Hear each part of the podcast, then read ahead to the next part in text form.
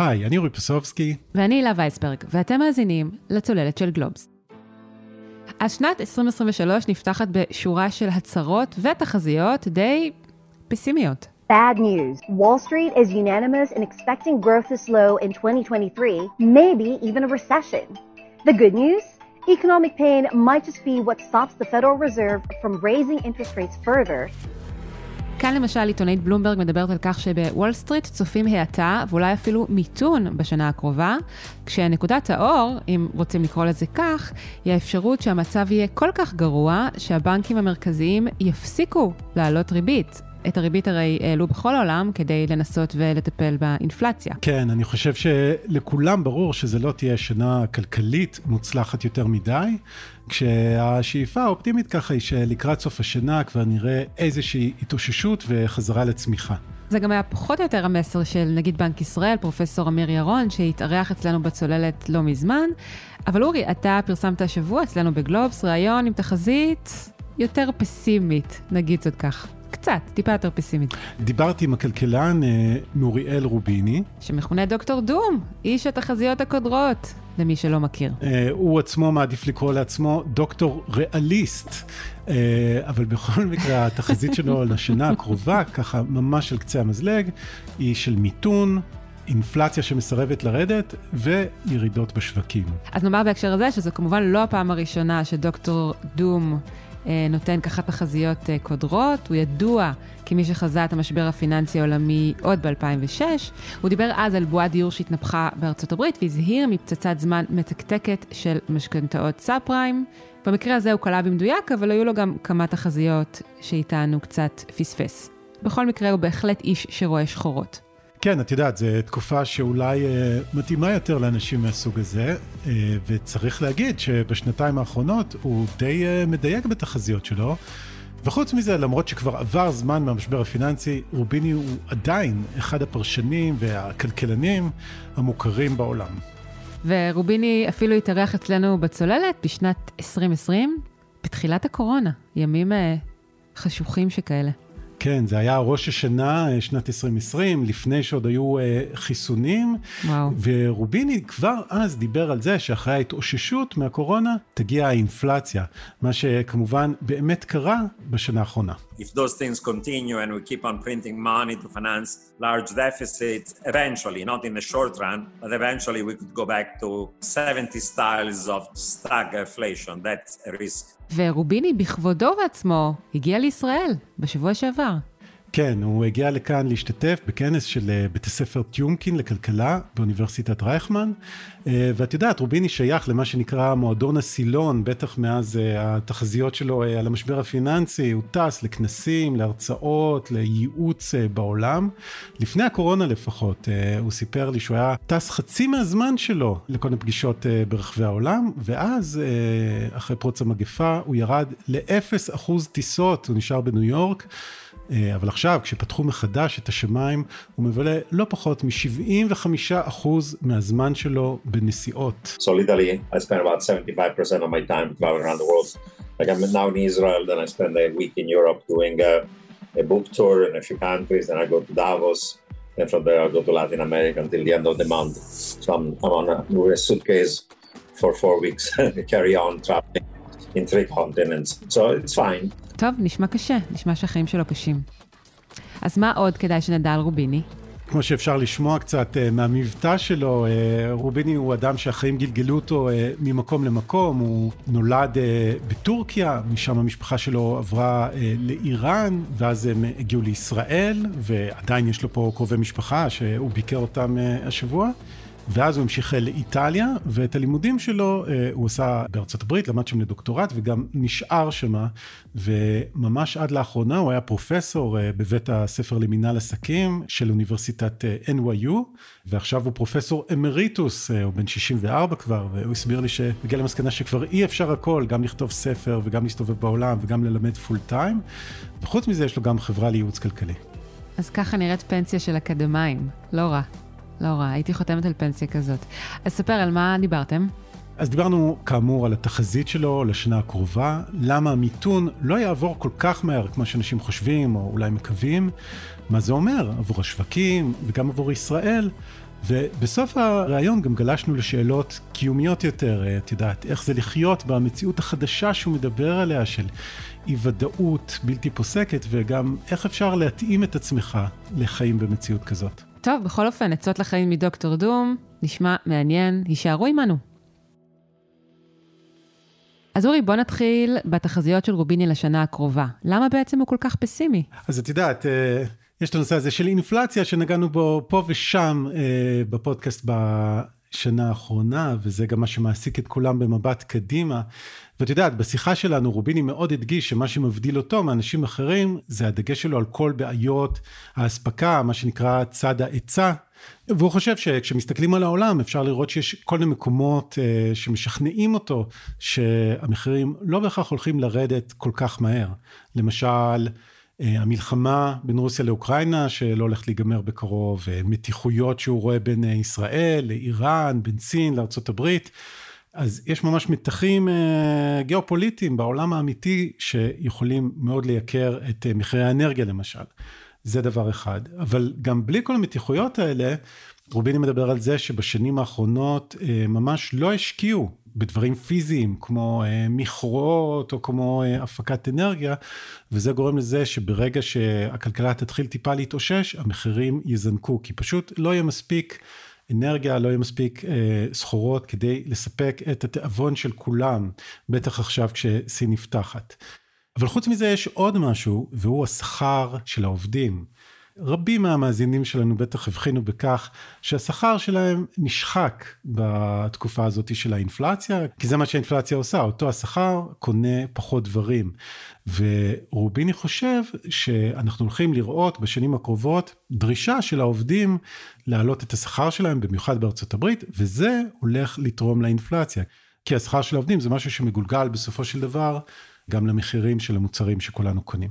That, uh, workers, even through labor strife, are going to have more pricing power than people expect. So, yeah, wage inflation might moderate, but it's not going to moderate enough to get us to 2%. So, US wage inflation is still 5 6%. It's consistent with inflation at 4, not inflation at 2. כלומר, רוביני מדבר על כך שהעלייה בשכר של העובדים שאנחנו רואים כרגע מתאימה לאינפלציה של 4% בשנה. כן, הוא מדבר על העלייה של השכר אה, של העובדים בארצות הברית, שעולה בקצב של משהו כמו חמישה, שישה אחוזים אה, בקצב שנתי, שזה הרבה, אבל זה עדיין נמוך יותר מהאינפלציה. וזה הולך להביא אותם לפי החישובים שלו לאינפלציה של 4% בשנה, שזה בעיה, כי המטרה של הבנקים המרכזיים היא 2% בשנה. וזה אומר שהם יצטרכו להעלות את הריבית עוד יותר מכפי שצופים עכשיו? זה בדיוק מה שהוא אומר. If I'm right that inflation is going to be how to say, higher while falling than what the central bank desire, uh, going uh, in Israel towards four, going in the US towards 525, going in the Eurozone towards at 3%, going in the UK towards four, plus is not going to be enough. Because uh, if inflation is slightly more sticky, then policy rates have to be significantly higher, not only than what uh, markets today are expecting, and the markets are wrongly expecting a pivot, but they're even going to be higher than what central banks are currently expecting. זאת אומרת, לדעת רוביני, לא רק שבשווקים אופטימיים מדי ולא מעכלים כמה גבוה הריבית עוד עומדת לעלות, אלא שגם הבנקים המרכזיים בעצם אופטימיים מדי. בדיוק. אבל uh, את יודעת, רק כדי לסגור את החלק הזה uh, בניתוח שלו, רוביני מוסיף עוד משהו, שהאמת היא שכבר נגענו בו קצת אה, בצוללת כאן בהקשר הישראלי, והוא שהעולם היום עמוס בחובות. אה, גם דברים כמו משכנתאות, או סתם חובות של אה, משקי בית, את יודעת, אנשים שקנו אוטו, אבל גם חובות של חברות, וחובות של בנקים, חובות של ממשלות, חובות של מדינות. לפי החישוב של רוביני, רמת החוב בכלכלות המתקדמות היום היא פי ארבעה ממה שהייתה בשנות ה-70, הפעם האחרונה שהייתה לנו כזאת אינפלציה. Today, unfortunately, we have the worst of the 70s in terms of negative supply shocks, and we have debt ratios that are, for advanced economies, four times as high as they were in the 70s. For advanced economies, 420% of GDP as opposed to 100. וכשהבנקים המרכזיים מעלים ריבית, אז החובות האלה מתייקרים. כן, ופה נמצאת אה, מה שרוביני מכנה מלכודת חוב. אה, והוא חושב שהבנקים המרכזיים בסופו של דבר הם ישתפנו, כמו שהוא אה, מנסח את זה, ימצמצו, ולא יעלו את הריבית עד כמה שצריך כדי להשתלט על האינפלציה, כי הם יפחדו מכך שהעלאת הריבית תגרום למשבר חובות, שחברות, אנשים, מדינות יפשטו רגל. ולכן הבנקים המרכזיים יפסיקו להילחם באינפלציה לפני שהם ינצחו במלחמה, והתוצאה לפי רוביני היא מה שנקרא סטגפלציה. גם האטה כלכלית, כלומר stagnation, וגם אינפלציה, inflation, מצב אה, מאוד לא סימפטי עבור הכלכלה. אז תגיד אורי, איך בכל זאת אה, רוביני מסביר את זה שהוא רואים התחלה של ירידה באינפלציה בארצות הברית? לכאורה זה סימן חיובי.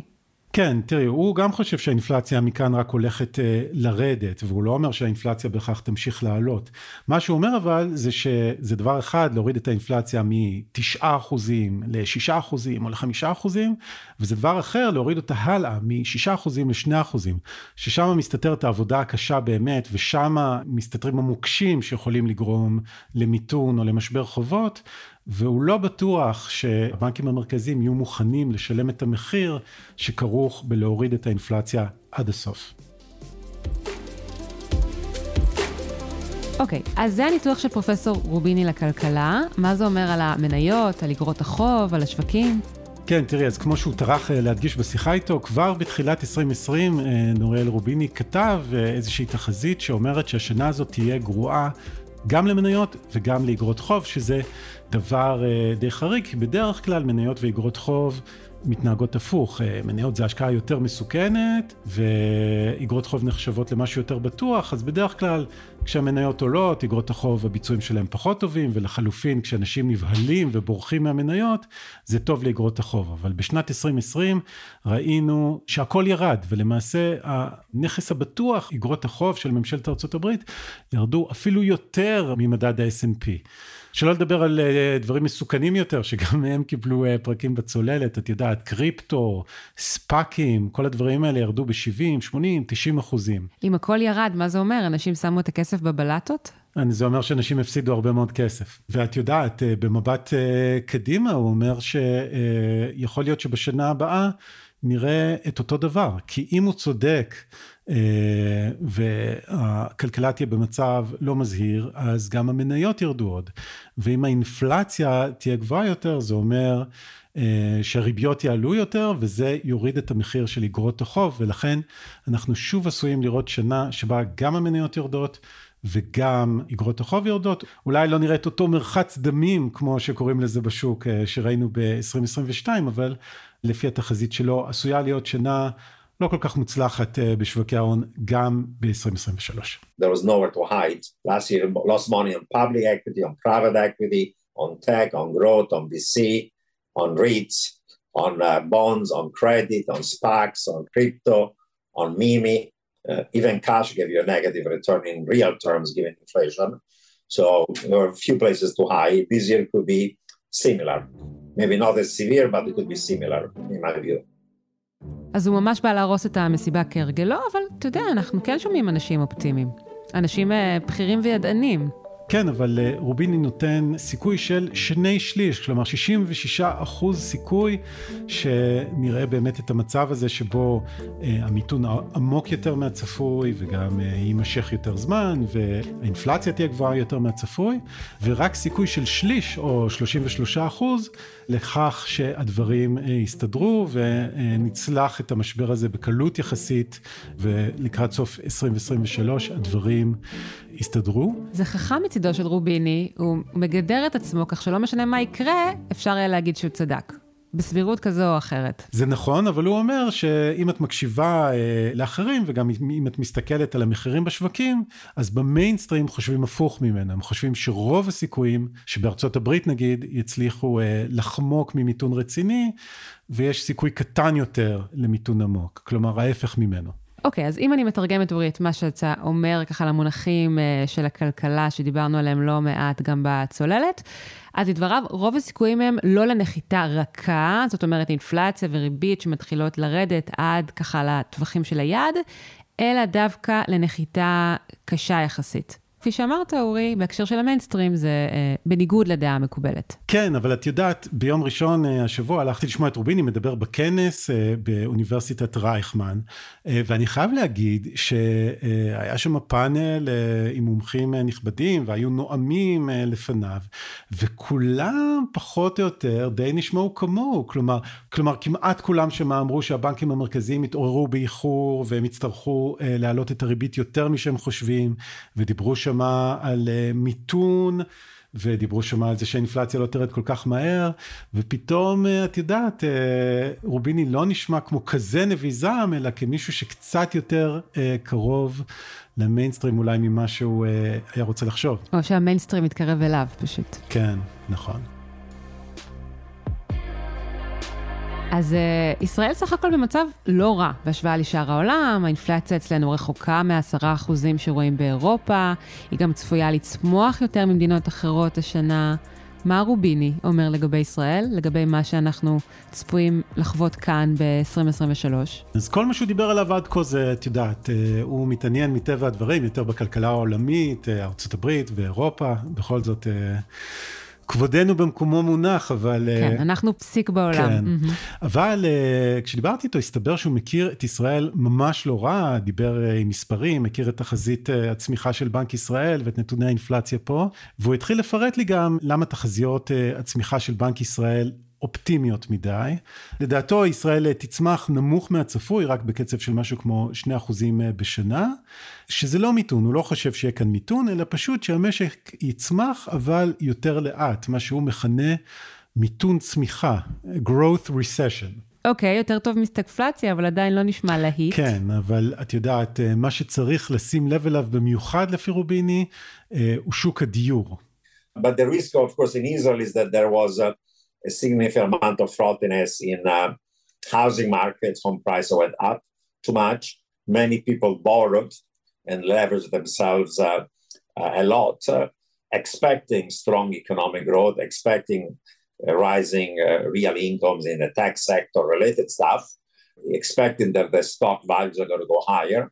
And now the bust that you've seen in tech has also affected, of course, the valuation of tech stocks in Israel SPACs that are not being concluded. So there is a big negative wealth effect. The good news is that the home prices are going to fall. So it's going to make it more affordable for those who cannot afford it. The bad news is those who borrowed a lot and had high leverage on their homes, but even on their cars or you name it, may be subject to, uh, to say, financial distress. Your wages are going to be most likely lower. You might lose even jobs if you're in the tech sector where there are some beginning of uh, layoffs, like in the US, and uh, that the entire sector is going to cool down, and and there could be you know situation of financial distress, at least in some pockets of, of the economy. So you know the baseline for Israel is one of a growth recession, but not a recession. אז רוביני אומר שלאור בועת הנדל"ן שראינו כאן, אנשים לבו הרבה כסף, הם מינפו את עצמם בציפייה לצמיחה כלכלית חזקה, לעלייה בשכר הריאלי בהייטק, בציפייה לכך שערך המניות שלהם יעלה. אבל הנפילות בהייטק בשווקים העולמיים השפיעו גם על ערך מניות הטכנולוגיה בישראל, ונוצר אפקט עושר שלילי. כן, זה, את יודעת, בדיוק מה שדיברנו עליו, למשל, אה, אה, עם שירי אה, חביב ולדורן כאן בצוללת, יש הרבה אנשים שראו פשוט את מחירי האופציות שלהם נמחקים, שציפו להנפקה של החברה שלהם שכבר לא תקרה, ולכי תדעי, הם עשו על סמך זה תוכניות וקנו דירה, עכשיו הכסף הזה לא יגיע. גם דוקטור מורן אופיר שהתראיינה בצוללת לא מזמן, דיברה על זה שבאמת הרבה הייטקיסטים שסמכו על כך שהמשכורות שלהם יישמרו וימשיכו להיות גבוהות, אה, ובנו על כל מיני אופציות, רכשו על בסיס זה דירות, וכעת הם עלולים להיתקע בלי עבודה, בלי משכורות טובות ועם אה, משכנתאות מאוד כבדות, וזה מסוכן. כן, אז רוביני מוצא פה חדשות טובות וחדשות רעות, כמו שהוא מנסח את זה. חדשות טובות? רוביני? זה מפתיע, ספר. החדשות הטובות הן שמחירי הדיור הולכים לרדת, mm. כן? אז אולי אנשים יוכלו להרשות לעצמם לקנות דירה, אבל את מי שכבר קנה דירה ולקח משכנתה גבוהה, זה אולי פחות ינחם. האנשים האלה אולי ייכנסו אה, למה שנקרא מצוקה פיננסית, אבל הוא אומר, זה יהיה בפינות של השוק, זה לא יהיה אה, משהו מקיף בכל הכלכלה הישראלית. בשורות טובות מצד רוביני, מי היה מאמין? מה לגבי הממשלה החדשה? בעולם שמענו לא מעט הסתייגויות לגביה בשבועות האחרונים. כן, גם לרוביני היה מה להגיד על הממשלה החדשה. אני אתמצת ככה על קצה המזלג, היה לו אה, משהו כמו אה, שלושה מסרים אה, עיקריים. הראשון הוא היה ככה אזהרה לממשלה אה, לא להתיר יותר מדי את הרסן ולהתחיל לשפוך כסף אה, על מה שהוא מכנה הוצאות חברתיות שנועדו לסייע לאנשים להתמודד עם יוקר המחיה. אה, וכבר שמענו כמובן כל מיני הצעות כאלה, כי יוזמות כאלה לפי רוביני פשוט יכולות לדחוף את האינפלציה עוד יותר כלפי מעלה. ואז יחייב את בנק ישראל להעלות עוד יותר את הריבית וחוזר חלילה. כלומר הממשלה צריכה לעבוד יחד עם בנק ישראל ויש גם את החשש ששמענו כבר את יודעת היה מכתב הייטקיסטים היה עוד מכתבים החשש שאיזושהי פגיעה במוסדות פה במערכת החוקתית המערכת המשפטית תוביל אה, גם לפגיעה בכלכלה הישראלית פה רוביני דווקא הצביע על איזשהו אה, סיכון מכיוון פחות צפוי ופחות מדובר, הוא אומר שיכול להיות שאפילו יזמים ישראליים בתחום ההייטק יעבירו את העסקים שלהם לחו"ל. הוא סיפר לי על שיחה אה, עם איזשהו יזם ישראלי שאמר לו, אתה יודע, מחר בבוקר אני יכול להעביר את החברה שלי לקפריסין ואני גם אשלם שכר יותר נמוך ואשלם פחות מיסים. אני חושב שזה הותיר בו אה, רושם עז. ואתה אורי שוחחת ממש לא מזמן על אה, מכתב ההייטקיסטים וההשלכות שגלומות בו עם אה, שלמה קרמר בפרק של הצוללת ששידרנו ממש לא מזמן. כן, ורוביני כאמור הכיר בזה שהממשלה אה, כרגע לפחות נהנית מנתונים מאוד טובים, גם של גירעון, גם של חוב, הוא הזהיר לא לבזבז את זה, והוא גם הוסיף לזה עוד איזו אזהרה שהפתיע אותי האמת, אה, שהיא mגיעה מכיוונו, אבל הוא דיבר על זה שבישראל יש, כבר ראינו, את יודעת, מהומות גם בתוך ישראל במאי 2021. והוא ממש קרא לממשלה לא לגרום לאזרחים אה, הערבים בישראל להרגיש אה, כמו סוג ב' ולא לנסות להגביל אותם עוד יותר אה, כלכלית, חברתית, חוקית, כי הוא חושש מאיזושהי אובדן יציבות או פגיעה במרקם החברתי בישראל. והאמת, עוד נגיע לזה בהמשך. טוב, דיברנו על זה שרוביני מכונה מזה שנים דוקטור דום ולא בכדי, הוא בדרך כלל הפסימי ביותר בחבורה, אבל הפלא ופלא, בתקופה האחרונה מצטרפים אליו אה, עוד אה, פסימיים. כלומר, גם המיינסטרים אה, מתקרב אליו באיזשהו מקום, או אולי הוא אל המיינסטרים. אז מה בעצם אנחנו לומדים מזה על המציאות הנוכחית? כן, אני חושב שבטווח הקצר, האמת שיש אה, לא מעט אנשים שמסתכלים על הדברים אה, בצורה די דומה לזאת של רוביני. אני חושב אבל שאיפה שהוא מנסה לבדל את עצמו, זה במבט טיפה יותר קדימה, והוא ממש מדבר על מציאות חדשה שאנחנו הולכים אליה, שבה העניינים יהיו פשוט הרבה יותר הפכפכים, הרבה פחות יציבים, שגם האינפלציה תהיה הרבה יותר גבוהה. אה, תתפלאי לשמוע שהוא אפילו כתב על זה ספר שהוא מקדם, מגה אה, threats. רגע, רגע, אורי, רוביני כתב ספר על כן, איומים? כן, תאמיני או לא. מפתיע. שבו הוא מדבר על עשרה סיכונים שהופכים את העולם להרבה פחות יציב. את יודעת, מכל המתחים הגיאופוליטיים שהזכרנו, ודרך אה, הזדקנות האוכלוסייה, וההתחממות הגלובלית. וכל הדברים האלה הולכים גם ליצור מציאות הרבה פחות יציבה וגם אם להתמקד בתחום הכלכלה אומרים שהאינפלציה לא תרד לרמות שהכרנו אותה בעבר. אוקיי, okay, אז יכול להיות שהאינפלציה לא תרד לרמות שהכרנו בעבר, של 2 אחוזים, אבל האם זה בהכרח אומר שאנחנו הולכים לקטסטרופה? אולי אפשר לחיות עם אינפלציה קצת יותר גבוהה, וזה יהיה בסדר. אני לא חושב שהוא מדבר בהכרח על אה, קטסטרופה, אבל הוא מדבר על זה שאנחנו לא נחזור בהכרח לאותו מצב שהכרנו. ולגבי אינפלציה זו שאלה טובה, את יודעת, שאלה אולי שלא נפתור אותה היום, אבל אני חושב שאפשר לשים לב איך אינפלציה זה משהו שאנשים לא אוהבים, לא מרוצים ממנו, וזה יוצר אה, עוד מתחים בחברה. ואת יודעת, הילה, אני חייב להגיד שזה גם משהו שאני חושב עליו ככה מדי פעם אה, לאחרונה, והוא שבאמת יש הרגשה כזאת, שכל הדברים שדי התרגלנו אליהם, למרות כל המשברים וכל הבלגנים שחווינו בעשור ומשהו האחרונים, בכל זאת היינו במציאות שבה, את יודעת, העולם פתוח, או הולך ונפתח, את יודעת, השמיים נפתחים ואפשר לטוס יותר בזול לאירופה, שנכון, אמנם די יקר לחיות בישראל, כן? אבל גם אפשר לקנות מוצרים זולים שמגיעים אלינו אה, מסין. ולקחת מלא הלוואות זולות. כן, וגם אה, שהריבית נמוכה ושהכסף זול. אבל פתאום אה, מתחילה ככה לעלות השאלה, האם אנחנו הולכים לאיזשהו עידן אחר? בטח כשמכניסים לעניין דברים כמו התחוממות הגלובלית, כל הגלי חום והצפות שאנחנו רואים מחליפים זה את זה פעם בשבועיים. ושאלתי את רוביני על זה, ומסתבר שהיה לו לא מעט מה להגיד על זה. The way I put it is, you know, I'm 64, I was born in 58 in Turkey, then we moved to Iran, Israel and Italy. But between the time I was born in the late 50s and early 80s when I went to US for grad school for those 25 years, uh, you know, I never worried about the war between great powers uh, or nuclear war because, you know, after the detente between the US and Soviet Union, after Nixon went to China, the risk of a nuclear war went away. You know, I'd never even heard about uh, global climate change at that time because, your know, temperature in the 60s, 70s were barely above pre-industrial, pre-industrial level.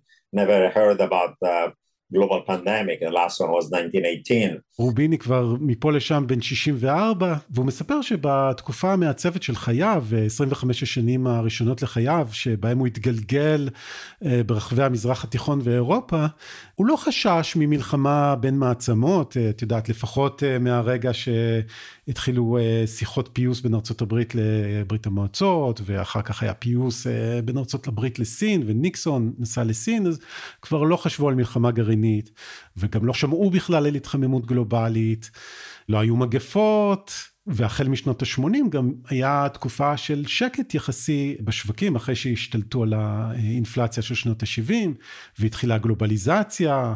את יודעת, ברית המועצות הצטרפה לכלכלה העולמית וסין הצטרפה לכלכלה העולמית ונוצרה תקופה שהכלכלנים קראו לה The Great Moderation, ההתמתנות הגדולה, הכל התמתן וזרם הרבה יותר על מי מנוחות. כן, אתה מדבר על התקופה שבה שלטה התפיסה ש... שתי מדינות שיש בהן מקדונלדס לעולם לא יפתחו במלחמה האחת עם השנייה.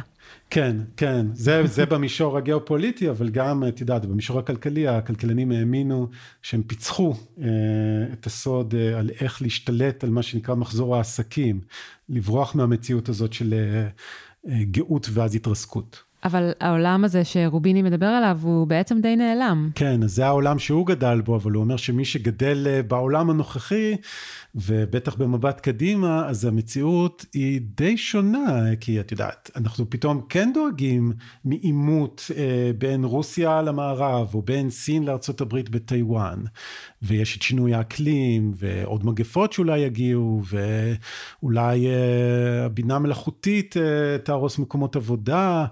תייתר את כולנו. כן, ויש דה-גלובליזציה, פתאום אה, מדינות אה, מטילות אה, חסמי סחר, ואנחנו רואים, את יודעת, התרסקות בשוק המניות, והוא מזכיר, את יודעת, שאנחנו אפילו צריכים לדאוג לגבי עתיד הדמוקרטיה הליברלית, הוא אומר שזה דבר שלא העסיק אותו אישית בעבר.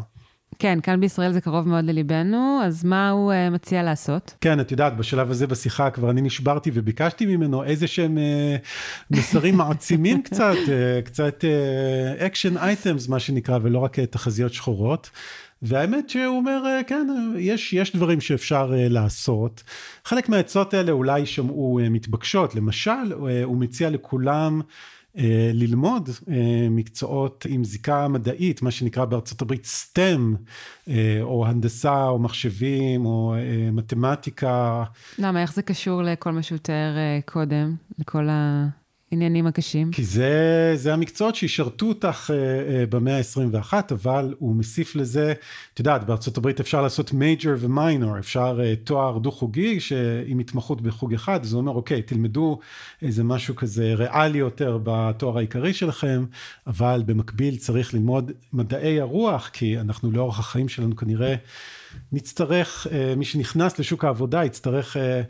Uh, לשנות מקצוע, אי אפשר יהיה להיות כלכלן כל החיים כמו רוביני בעצמו, אז צריך אה, ללמוד אה, לחקור, לחשוב באופן ביקורתי, אה, להכשיר את עצמך מחדש. זאת אומרת, העולם הכאוטי שהוא מתאר יגזור על כולנו אולי גם חלופה יחסית דחופה של קריירות, מקצועות. כן. הכל עשוי להיות די תזזיתי. נזיל. והוא מציע גם לחסוך. The disruption of jobs, of sectors, of entire industries. You have also to learn to invest for the long run. This investing of day trading, mimi, crypto, and the stuff make you only lose money. You have to have a diversified portfolio, even if prices are high of uh, food and shelter. You should save every month some money, put it away because social security is not going to fill all your retirement needs. אוקיי, okay, לחסוך זו תמיד עצה טובה. סבתא שלי, אימא שלי, כל מי שאני יכולה לחשוב עליו, תמיד ייעץ לי לחסוך, לשים בצד כסף. כן, זה נכון, אני לא חושב שזו אה, עצה עד כדי כך אה, מטלטלת, אבל אה, בשלב הזה היה לו עוד מסר, והוא, את יודעת, כל הדברים האלה זה דברים שאפשר לעשות ברמה האישית. אבל מה שהוא רצה להדגיש זה שמה שבאמת צריך לעשות זה להתארגן, לפעול ברמה קולקטיבית. אז ממש הוא קרא לכל אחד להיות או מעורב בהתארגנויות או אזרחיות, או ללכת... או לנסות להשפיע על הממשלה, או לעבוד במגזר האזרחי, ואת יודעת, אני חושב שהוא חושב הרבה בהקשר של התחממות גלובלית, ששם צריך ממש פעולה קולקטיבית כדי להתמודד עם, האתגר הזה. לא משנה כמה כל אחד מאיתנו ינסה לצמצם את פליטת הפחמן שלו, אבל בגדול רוח הדברים שלו הייתה שהאתגרים של האנושות כרגע דורשים שכולנו נתגייס יחד, אז לא מספיק שכל אחד מאיתנו יפעל לבד, אלא צריך uh, להשקיע במשהו יותר קולקטיבי. והיה לו גם מסר מעניין לגבי ישראל, בוא נשמע. But, uh, you know, I mean, in some sense, uh, Israel is a success story because there is in Israel more social capital than the US. Because of the threats, Israel has been able to create a society that, in spite of all the differences, is more cohesive than, than say, United States, where it's very selfish individual. And hopefully that cohesiveness can remain and is necessary because the biggest risk to Israel is that is not even the external threat today, is that the, the internal division are going to then tear apart society in a way that's going to weaken Israel over the long term, and that will be terrible.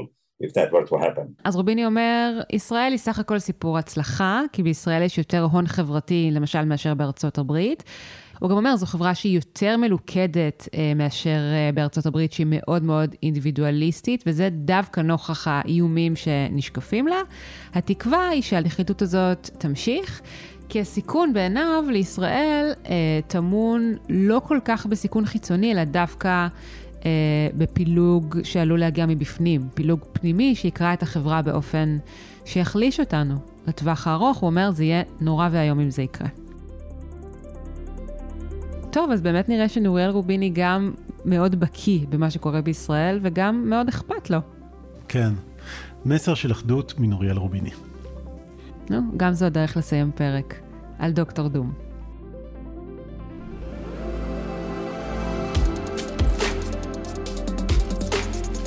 כאן עוד פרק של הצוללת. אתם יכולים למצוא אותנו באתר גלובס, בספוטיפיי או בכל אפליקציית פודקאסטים. נשמח אם תעשו לנו subscribe. ואם אהבתם, אתם מוזמנים לשלוח את הפרק לחבר או חברה שחשים רגועים מדי בפתח השנה החדשה. ואם אתם אוהבים את התכנים שלנו, של גלובס, אפשר גם לעשות מנוי. עורך הסאונד הוא ניר לייסט. אפשר לדבר איתנו בפייסבוק, אינסטגרם, טוויטר, אפילו לינקדאין. חפשו את השמות שלנו, שלחו לנו הודעה, ומי מכם שעושה זאת, זה משמח אותנו. תמשיכו, אנחנו מקבלים מכם רעיונות אה, לפרקים ומשתדלים גם לממש. תודה לכולכם שהאזנתם. אני הילה וייסברג. אני אורי פסובסקי. נתראה בפעם הבאה. ביי ביי. ביי.